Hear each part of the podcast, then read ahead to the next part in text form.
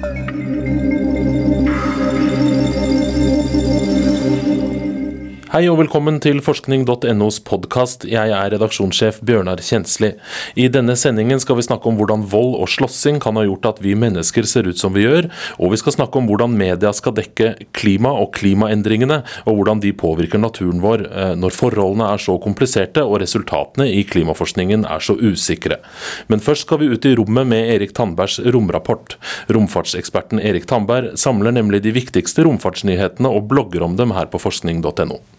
Journalist Arnfinn Christensen, i den siste romrapporten skriver Erik Tandberg bl.a. en del om privat kommersiell romtransport. og Hva er det som er nytt her? Ja, det, En av de nyeste tingene er kanskje ikke så veldig bra for den private romtransporten. For uh, denne romkapselen Dragon, som nettopp har vendt tilbake fra romstasjonen, som da opereres av SpaceX, California-firmaet som også lager Tesla-bilene, den tok faktisk inn vann. Den lander jo foreløpig på havet.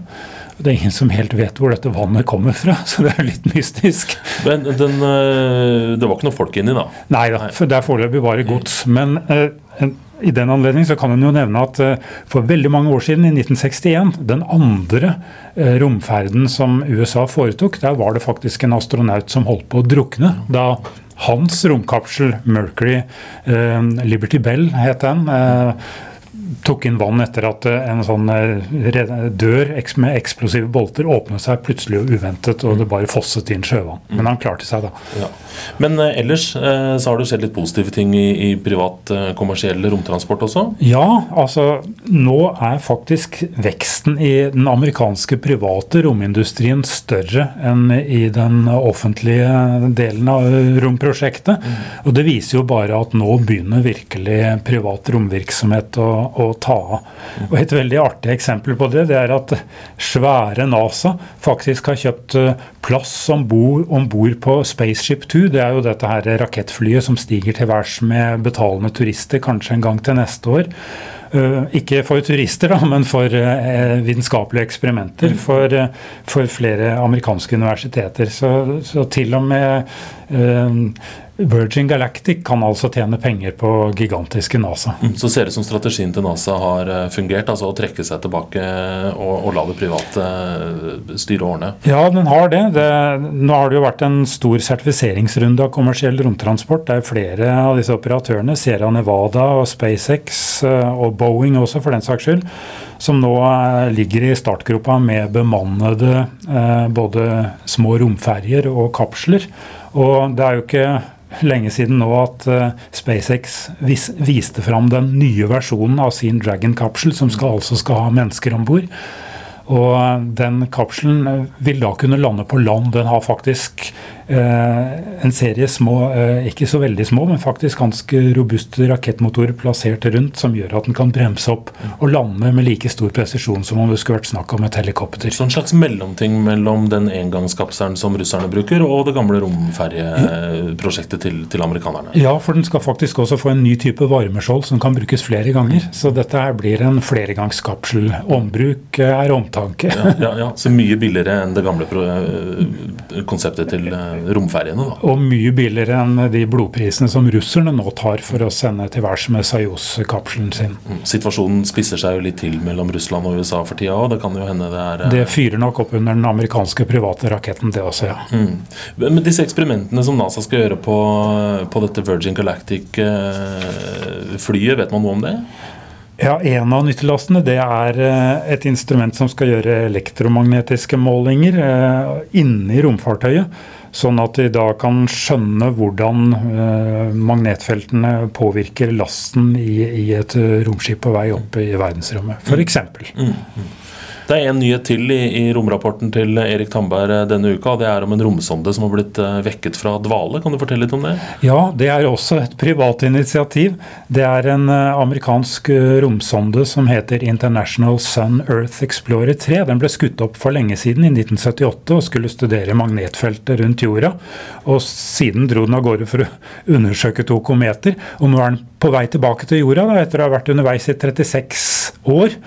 Eh, og NASA de hadde faktisk ikke råd til å vekke denne sonden fra dvaletilstand. Eh, de har jo stadig mindre budsjetter, dessverre. Men så er det altså en privat gruppe folk som har skaffet til veie pengene og tatt i bruk dette gigantiske radioteleskopet, som jo egentlig er en dalbunn i Puerto Rico, Arecibo radioobservatoriet, og sendt av gårde en skikkelig ladning med radiostråler til denne sonden i dvale, sånn at den har våknet igjen. Og de har fått kontakt med den, og da kan de også få kontakt med mindre bakkeantenner. Mm. Så dette her viser jo at uh, romfart er i ferd med å gå fra store offentlige uh, prosjekter til å bli noe som privatfolk begynner å drive med. Mm. Tusen takk skal du ha, journalist Arnfinn Christensen. Hvorfor ser vi mennesker egentlig ut som vi gjør? Millioner av års utvikling har gjort at vi har det utseendet vi har i dag. Og noen forskere tror at vold og slag mot ansiktet kan forklare hvorfor vi ser ut sånn som vi gjør. Journalist eh, Lasse Bjørnstad, hva mener egentlig disse forskerne? Det er to eh, britiske forskere som har eh, lansert en hypotese om at i tidlig evolusjonen vår da, så ble da ansiktet vårt formet etter etter, etter, vold og slåssing. Og Da snakker vi om uh, dypsittende øyehuler, høye kinnbein og mer sånn, uh, et mer robust ansikt. da. Mm. Men dette er, dette er, som sagt tidlig evolusjonen. Nå har vi blitt veldig pysete. I løpet av de siste millionene år omtrent så har vi gått fra å være mye mer robuste til å bli uh, mer moderne mennesker, da, som er svakere og med mindre framtredende av disse trekkene. Mm. For vi, eh, holdt jeg på å si, Det er jo ikke så veldig vanskelig å, å knekke kjeven min eller nesa mi hvis man eh, skulle gi meg en på trynet? Nei, nei. Det er ikke noen, eh, det er ikke noen kunst.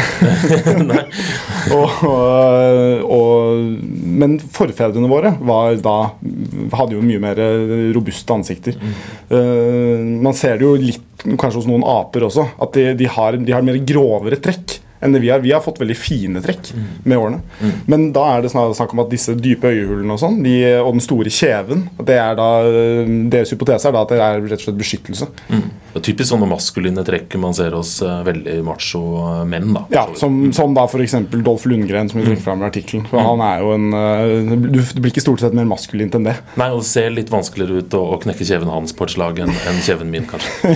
uh, disse litt sånn voldsfikserte forskerne har jo tidligere også vært inne på at andre deler av, av kroppen vår også er forma av vold og slåssing. Ja, dette her er, hypotesen her er jo en slags konsekvens av en tidligere hypotese. Mm. Som går på at eh, knyttnevene våre er, har rett og slett utviklet seg for vold. Mm. At det, gjennom naturlig seleksjon og, og vinneren av slåsskamper, kan man kanskje si, mm. så har knyttnevene våre blitt mer og mer effektive mm. mot, for å slå. Mm. Men her, dette er et lite stridstema som også er i, i uh, artikkelen. Øh, fordi at, at øh, en knyttneve krever litt å kunne, det krever litt å kunne lage en knyttneve da, mm. for å gi et effektivt slag. En, en nålevende sjimpanse kan ikke gjøre det, fordi de har for myke bein i mm. hendene. Mm. Og Da er da spørsmålet når når kunne våre forfedre egentlig lage knyttnever? Mm, mm. Og da, En naturlig konsekvens av at man kan lage en god knyttneve, vil jo også da være at uh, knyttneven må komme før ansiktet. Ja, skjønner. så derfor så er det Men det er en veldig interessant hypotese. Men uh, dette er jo omstridt. altså Det å si at vi mennesker er prega så mye av vold. altså Vi kan jo like gjerne være prega av uh, kos.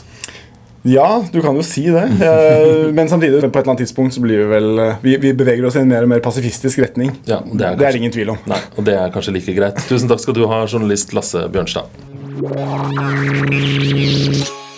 På aftenposten.no kunne vi nylig lese en eh, fint innpakket sak om lundefuglen som forsvinner fra fuglefjellet Runde.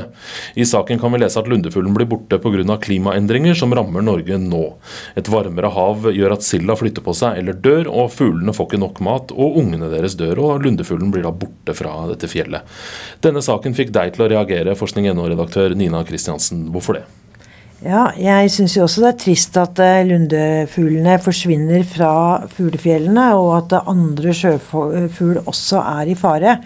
Det jeg reagerte med denne saken, var at eh, det er én forklaring som blir satt opp, og det er at det er menneskeskapt klimaendringer som foregår akkurat nå utafor Runde. Og det, mm, så vidt jeg kan skjønne, ut fra hva jeg har lest, og hva vi forskningen har skrevet om, så er jo det en av veldig mange forklaringer. Mm. Det er ikke sånn at uh, man kan liksom bare peke og si at ja, klimaendringer dreper små lundefuglunger. det er en så enkel forklaring at den grenser til å være usann. Mm. Men eh, når man skal dekke klima som journalist eller som, mm. som, en nettavis, så ringer man eh, til uh, en klimaforsker og man får noen, uh, noen kommentarer. Eller man ringer til en fiskeforsker eller fugleforsker eller en forsker som, som, snakker om planter. Og klima trekkes jo stadig fra, altså Menneskeskapte klimaendringer trekkes jo stadig fram som en årsak til at ting endrer seg. Mm. tror du også forskerne er litt sånn prega av et slags ikke klimahysteri, men at alle er veldig opptatt av menneskeskapte klimaendringer? Det er klart at det, menneskeskapte klimaendringer er et buzzord i våre dager. Mm. Eh, og det kan nok utløse en del sånn type forskningsmidler, at det gis mye penger den veien. At alle de som er involvert i klima, eh, veit det at det er en bestemt måte å snakke om det på. Eh, gjør det litt lettere å komme innafor en del forskningsprogrammer. Mm. Eh, men når det er sagt, så er det jo ikke sånn at dette er jo ikke noe uviktig tema. Altså Det er jo bra at mange er opptatt av klima. Det er jo bra at mange er opptatt av menneskeskapte klimaendringer. Altså Vi er jo alle sammen opptatt av å redde vår klode. Det jeg, det jeg tenker, er at i et veldig veldig komplisert bilde så må vi som er journalister, holde huet kaldt. Vi må stille kritiske spørsmål til forskere. Vi må spørre når du sier dette om klima, veit du det, eller tror du det? Er det spekulasjoner, eller er det sant, eller har man målt det?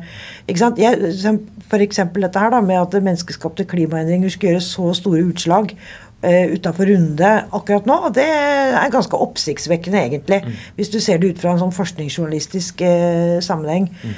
Uh, så man må rett og slett holde huet kaldt, prøve å balansere mange faktorer og eh, gå løs på forsker etter forsker og stille kritiske spørsmål. Men det er jo ikke noe annet enn det politiske journalister gjør, eller utenriksjournalister som skal dekke liksom en, eh, et land i krig med mange grupper. Mm, ganske komplisert stoff, det. Det er ganske mm. komplisert stoff, det òg. Altså. Mm.